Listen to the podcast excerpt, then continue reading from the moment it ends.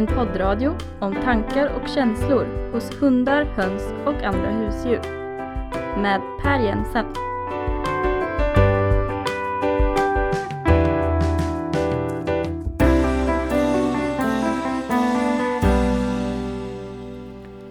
Mona, har du också hört det här att hundar är färgblinda? Har hört det. Ja. Mm. Va- Visst är det många som, som påstår Mm. det? Eh, Men du är ju gymnasielärare Mm. i biologi Mm. och du lär upp den framtida generationen. Inte, Ack, ja. inte lär du ut att eh, hundar är färgblinda? va? Nej, det gör jag inte.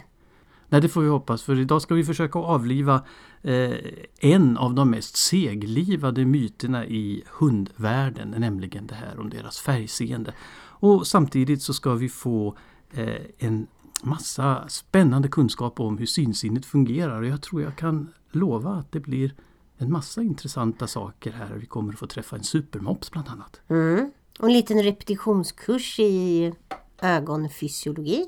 Just det. Och det är inte så tråkigt som det kan låta.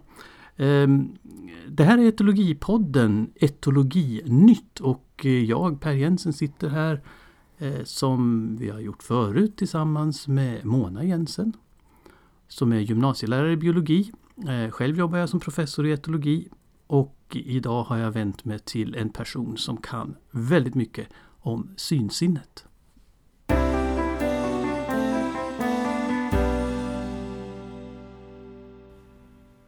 Lina Roth, svara ja eller nej på den här frågan. Är hundar färgblinda? Nej, det är de inte. Vad bra.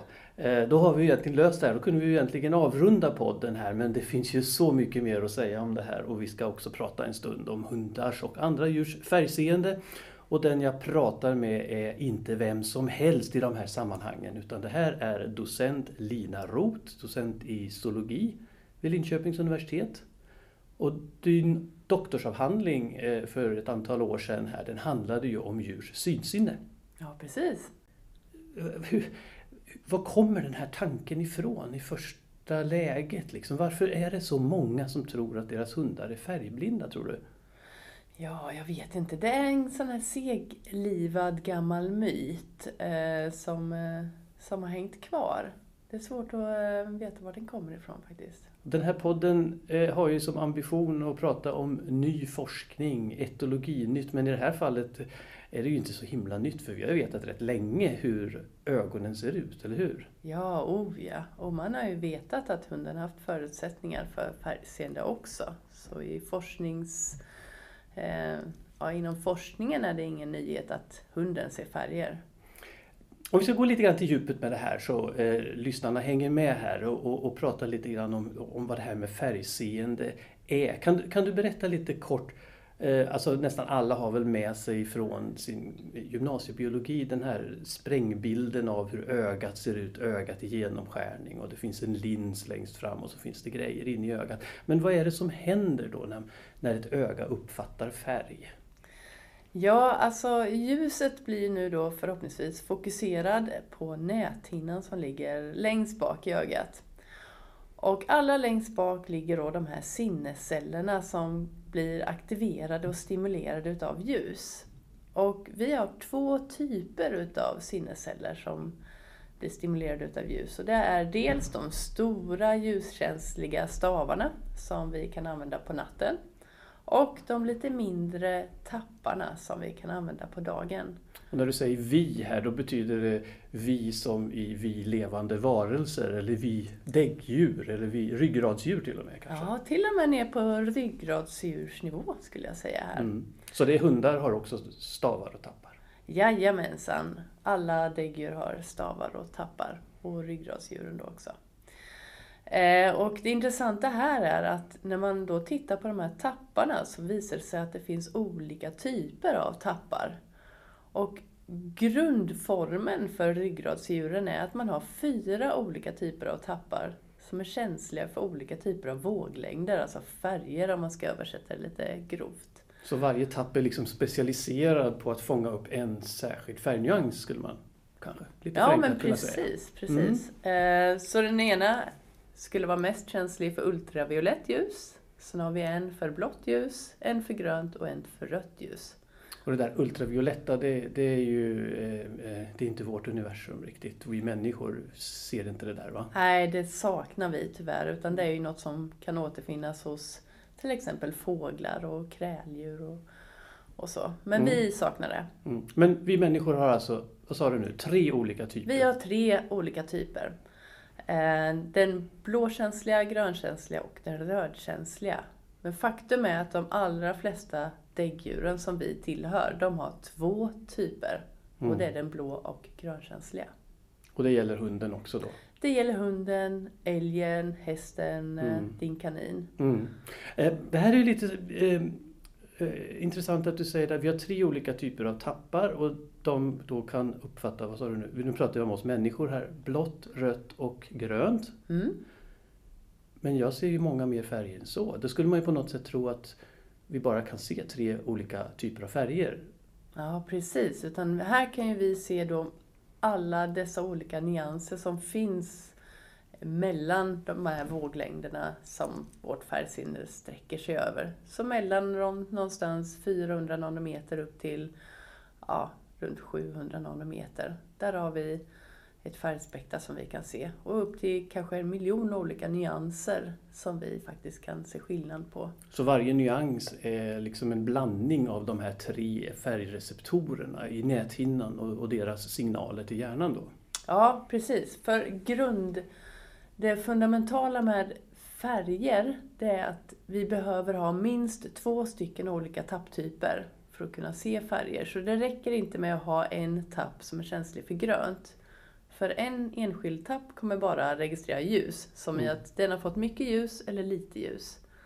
Utan det är först när den har en annan tapptyp, som till exempel då den blå och den gröna, när de kan jämföra sin input, sin synintag, sitt ljusintag. Det är då den jämförelsen ger upphov till en färgsignal i hjärnan. Mm.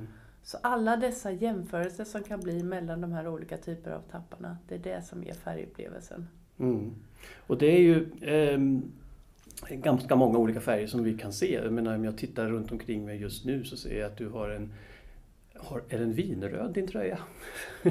typ blå byxor eh, eh, och sen är det en helt annan typ av röd nyans eh, på stolen som står här. Så eh, de här färgreceptorerna de pratar med varandra kan vi säga och liksom stämmer av signalstyrkan. Då. Är, det, är det så man kan Ja, de jämför sin eh, signal med eh, grannarnas signaler. Och sen den jämförelsen blir då vår färgupplevelse. Mm. Så egentligen så finns det inga färger här ute utan det finns bara våglängder som studsar på material Mm. som våra tappar tar upp. Men färgerna, de finns väl inte i näthinnan heller? va?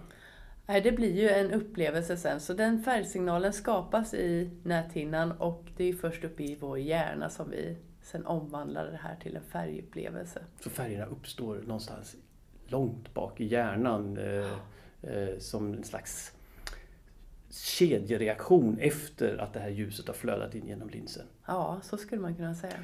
Eh, så om eh, eh, det här med färgseendet hos hundarna då, det, det kan ju då... Det finns ju kanske en liten, liten kärna i det här då i och med att de inte ser färgerna precis som vi gör det. Men de ser alltså färger. Mm, precis. Så man skulle ju kunna säga att, att eh, hundar och de allra flesta däggdjur, de kan se eh, färgnyanser mellan blått och grönt och däremellan. Medan vi människor har ytterligare en aspekt med de röda nyanserna, röda och orangea nyanserna, som hunden då saknar. Så man skulle också då kunna jämföra hundens färgseende med det som man hittar hos en rödgrön färgblind människa, man som det ju nästan alltid handlar om i det fallet. Precis. Och eh, det kanske är en av anledningarna varför den där myten har hängt kvar, för att Mm. det går egentligen att dra den jämförelsen. Mm.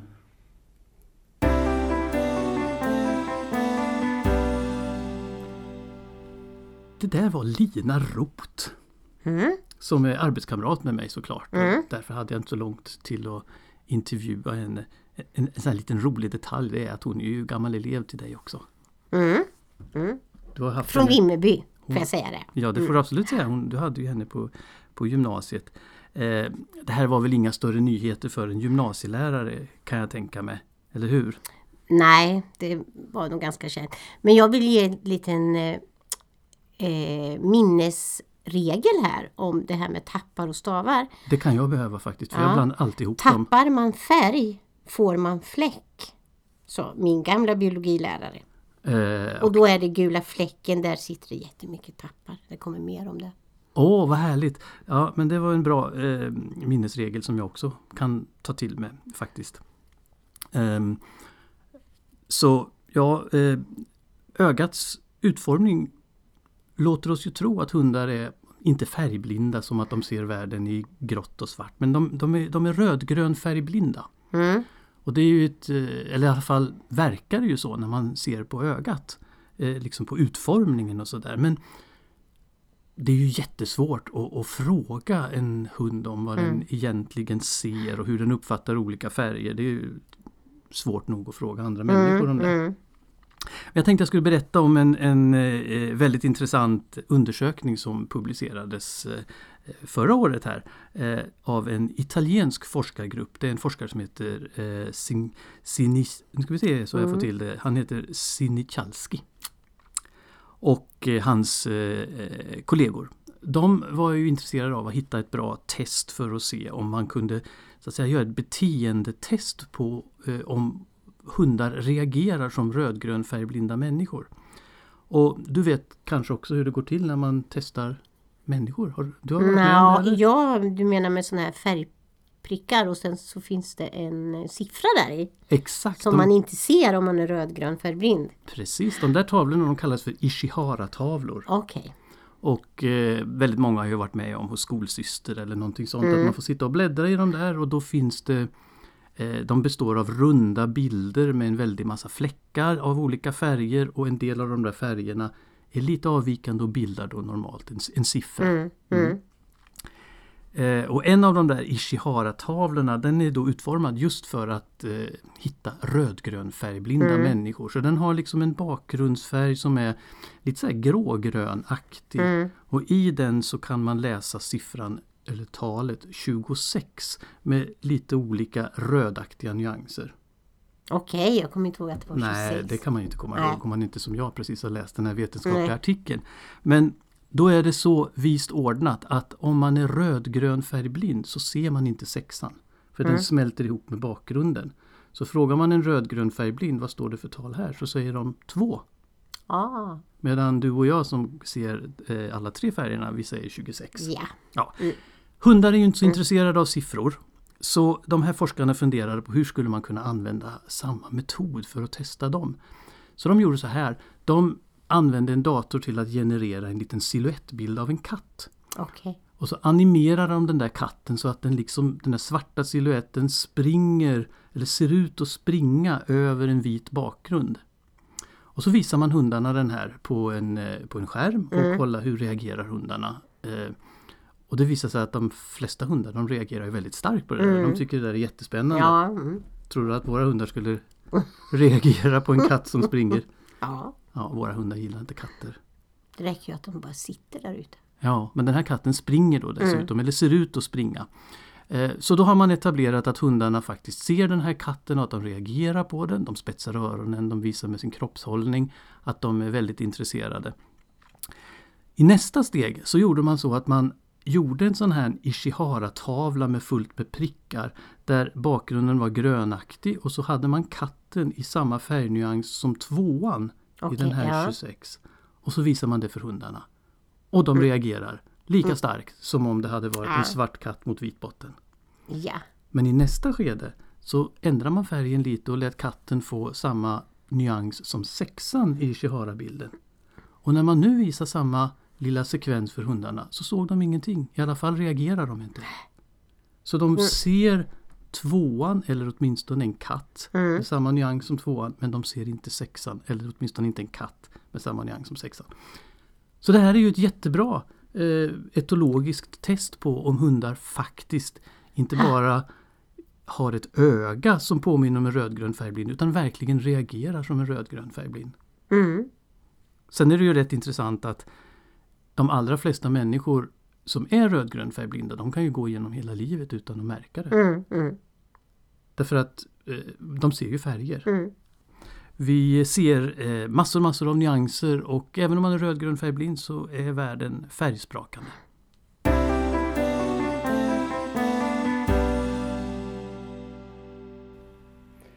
När vi pratar om det här med synen eh, så är, eh, eh, det du säger hela tiden här det är ju att synen eh, bygger då på att det kommer ljus in i ögat och så sitter det eh, olika typer av sinnesceller i näthinnan som reagerar på det här och det stavar och tappar och, och det ger då vårt färgseende och hela vårt synseende.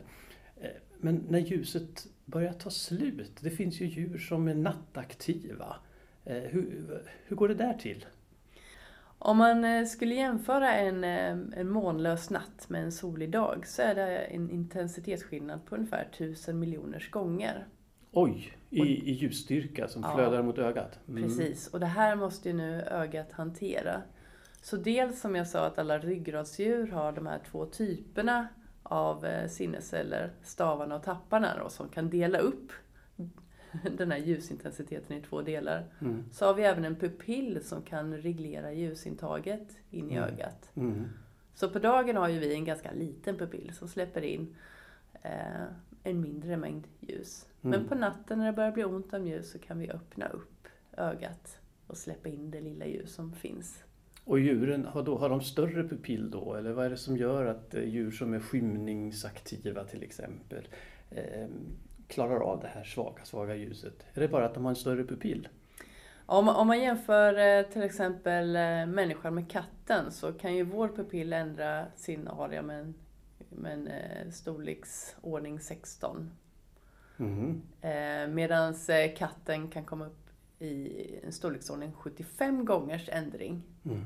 Så de har en mycket större potential att öppna upp och fånga upp mer ljus på natten. Men dessutom så är det många däggdjur eh, som även har ett eh, reflekterande lager längst bak i ögat. Tapetum lucidum heter det lite tjusigt på latin. Mm.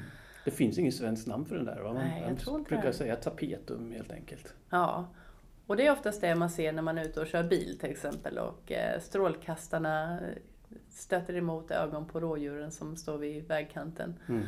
Då är det de, det som lyser i ögat, det är tapetum lucidum. Mm.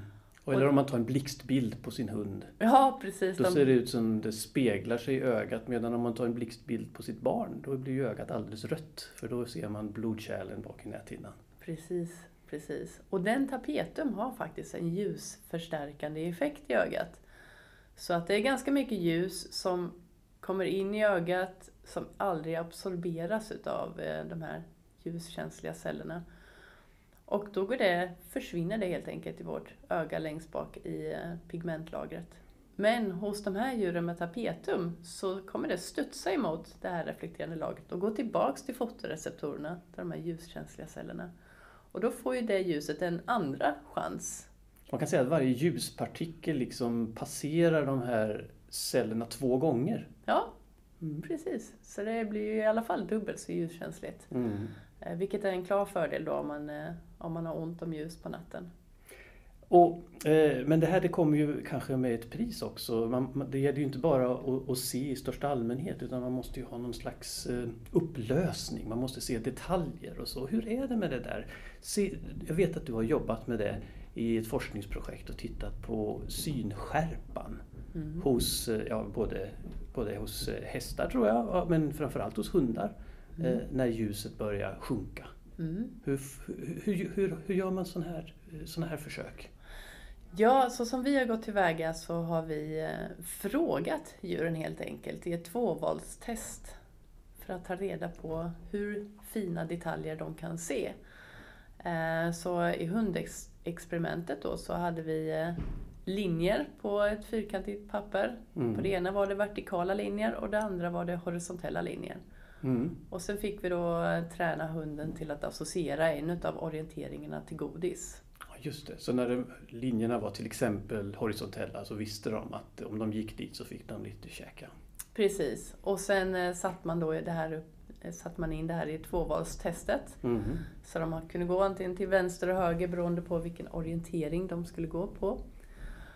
Och eh, då kunde man då förminska de här linjerna så de blev mindre och mindre och mindre och mindre. Mm. Och när de inte kan upplösa linjerna längre. Alltså när de inte ser några linjer, då kan de inte heller avgöra orienteringen. Mm. Och då går, börjar de ju gå slumpmässigt. Vänster just och höger oavsett vilken orientering. Så när linjerna kommer tillräckligt tätt tillsammans så blir det mera som en grå yta bara som Ja. de ska välja mellan. Precis. Eh, och så har du testat det här i olika ljusstyrkor då? Ja, så vi började i dagsljusintensiteter på hundarna Mm. eh, och testade. Då eh, visade det sig att de ungefär, det är en skillnad på en faktor 3 egentligen mellan oss människor och hundar. Så det vi, den lilla detaljen vi kan se på 15 meters avstånd, den kan hunden se vid 5 meters avstånd. Så de har sämre synupplösning Mm. än vad du och jag har. Mm, Trots att de ändå har sitt tapetum och ser saker och ting i skymningen. Men då är det alltså inte detaljer de ser. Nej, utan eh, detaljerna hänger ju lite mer på hur fotoreceptorerna och andra celler eh, är fördelade i näthinnan. Mm, mm, Och det skiljer sig åt mellan människan och hunden.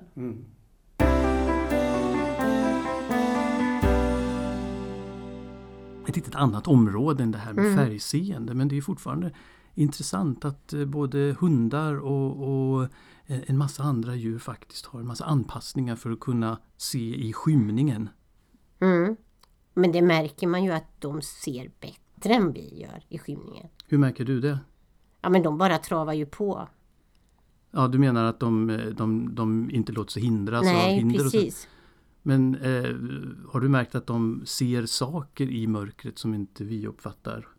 Ja, om de ser eller om de hör, det törs jag inte. Eller luktar. Nej, det är ju det är lite svårt att veta alla gånger. Men visst sjutton har man intrycket att de faktiskt ser saker där ute som, eh, eh, som vi faktiskt inte uppfattar med våra ganska, ganska taffliga ögon i mörkret. Ja.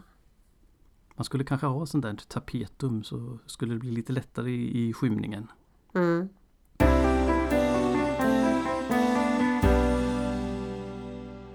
Det här leder oss över på en helt annan fråga om synen hos hundar och eh, andra djur också, nämligen placeringen av ögonen till exempel. Det här, det här påverkar ju synfältet, alltså hur mycket ser man?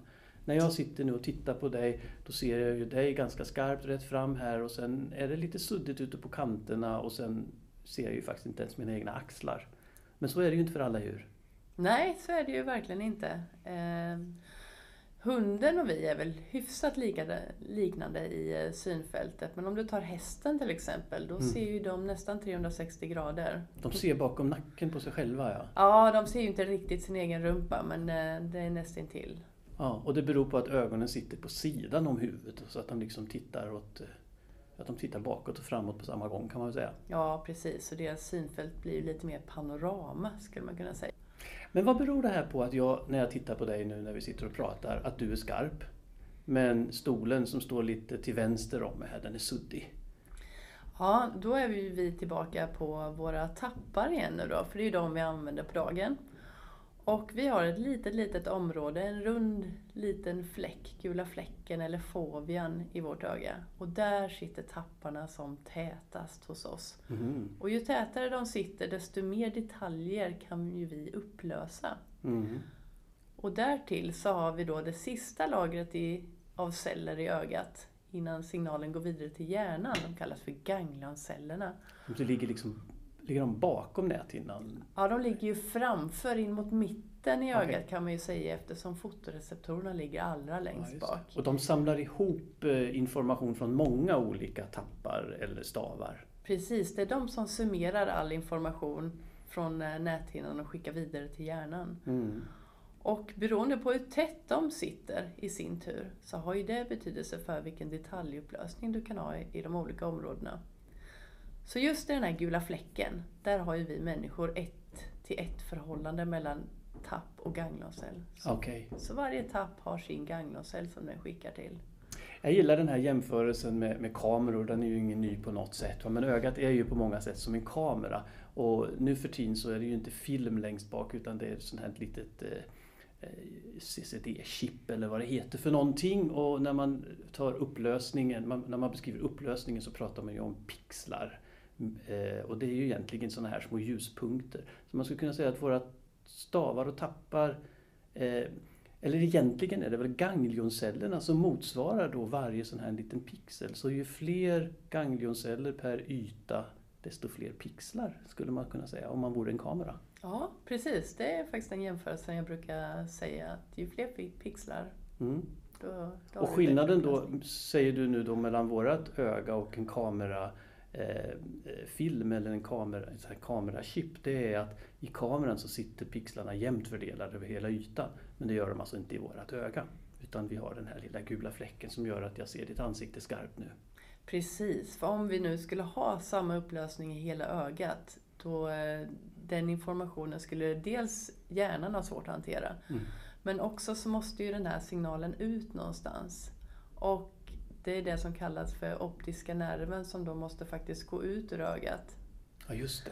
Och då Informationen där- måste ju vidare. Precis, och där kan det ju inte finnas några fotoreceptorer och det är ju därför man får den här blinda fläcken ibland som man pratar om. Ja. Och om nu vi skulle ha ännu mer ganglionceller då skulle ju den blinda fläcken bli större och större och större. Så det finns ju en viss trade-off här vad, vad vi kan, Mm. vad som är bra att upplösa. Men hundar har ingen sån här gul fläck va? Nej, hundar har ingen sån gul fläck och inte hästarna heller utan de allra flesta har ett eh, horisontellt stråk där de har eh, mer både tappar och stavar. De har ingen fläck med bara tappar som vi har utan de har både stavar och tappar i det här området. Och, Som liksom sträcker sig då i, i ett längssnitt över näthinnan, kan man säga så? Ja, precis. Så de kan då se skarpare längs horisonten. Aha. Och där i, i det stråket så är det då alltså fler ganglionceller också. Så när, när jag tittar på dig då ser jag ditt ansikte skarpt, men om jag vore en hund nu då skulle jag se typ mitten av ditt ansikte skarpt och så skulle det vara lite suddigt uppåt och neråt. Är det så eller? Eh, du skulle ju ha för ett stråk rakt över mig istället. Ah. Där, eh, där du ser skarpt även till vänster och höger Ja, om Så, mig. så en del av stolen till vänster om mig skulle vara skarp och en del av ditt ansikte och en del av stolen till höger. Precis, precis. Vilket är ju väldigt bra antar jag då om man eh, har ett byte som springer över en slätt och man är på väg att jaga efter det. Mm. Till exempel. Men en rolig sak som eh, forskare har hittat här under senare år det är att det här ser inte likadant ut hos alla raser. Nej, det här var ju något man såg för ett tiotal år sedan. Att eh, det fanns ett samband mellan de här ganglioncellerna, alltså pixlarna i ögat, och nosens längd, alltså skallformen. Otippat skulle jag vilja säga. Ja, det var, eh, det var lite oväntat. Så en mops ser inte världen på samma sätt som en vinthund. Nej, inte om man eh, utgår ifrån den studien så, eh, så skulle då en mops ha mer en sån här liten rund fläck med väldigt hög upplösning likt, likt människan. Mm. Medan de långnosade skulle ha mer som vargen ett horisontellt stråk där de ser som skarpast. Det är ju jätteintressant. Och mopsen har ju faktiskt ögonen också placerade lite mer framåt, ungefär som vi har. Och vindhunden kanske lite mer på sidan, närmare vargursprunget. Mm, ja, precis. Ja, nej, det är jättespännande. Så vi, det här var ju en av våra ursprungliga hypoteser när vi eh, gjorde den här synstudien på hundar, att vi skulle egentligen testa de olika raserna. Vad vi kunde se var att vi hade en supermops, som vi kallar det, som Mhm. faktiskt var bättre än alla andra hundar. Och om de På att, eh, på, på att eh, se detaljer. På att se detaljer, Mm. precis. Så om nu hundarna generellt kunde se det vi såg på 15 meter så de på 5 meter. Mm. Så var faktorn bara en 2 med den här supermopsen då. Så då var det mer 10 meter gentemot 5 meter. Mm. Men en supermops, det skulle man ha. En supermops skulle man ha.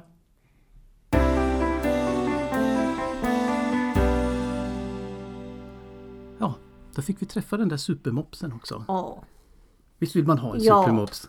ja, Alltså mopsar de är ju... Eh, det, det är mycket man kan säga om mopsar och, och aveln de- på mopsar men de är ju oemotståndliga. de vet nog det. Ja, Att de är det. och deras små runda ögon som vi tycker så mycket om. Eh, men låt dem inte bli för stora bara i aveln för det leder ju till en massa olika problem här. Ehm, eh, det var väl egentligen det som vi hade idag. Har vi lyckats förmedla lite, lite nya kunskaper så folk ska sluta att tro på det här Mm. om hundens färgseende då, eller Ja, avsaknad av färgseende. Däggdjuren överhuvudtaget. Eller ryggradsdjuren pratar ju Lina. Ja, precis. Och det handlar ju inte bara om, eh, om eh, eh, hundarna Nej. utan alla, alla däggdjur. Ja. Och då har vi inte varit inne på fåglarna till exempel, hönsen som går där ute med deras Mm, UV-känslighet. De ser ju, alltså jämfört med en höna så är ju vi rejält färgblinda. Mm. Vi ser ju faktiskt bara en liten begränsad del av alla de färger som faktiskt finns ute i världen. Ja, det var allt vi hade att bjuda på för idag. Mm. Och eh, Lina Roth ska ju ha ett stort tack för hennes medverkan i det här programmet för att hon har delat med sig av sina kunskaper om färgseendet. Och eh, Mona Jensen ska ha ett stort tack för att du har suttit här bredvid och pratat med mig om Och lyssnat på lyssnat Lina. på Mm. Lina och pratat med mig om, om synseendet och delat med dig av eh, intressanta små minnesregler som vi alla kan Mm. ha med oss. Så Ja nu, men ska, nu har ni ju detta. nu ska ingen någonsin mer behöva tveka om vad en tapp och en stav är för någonting.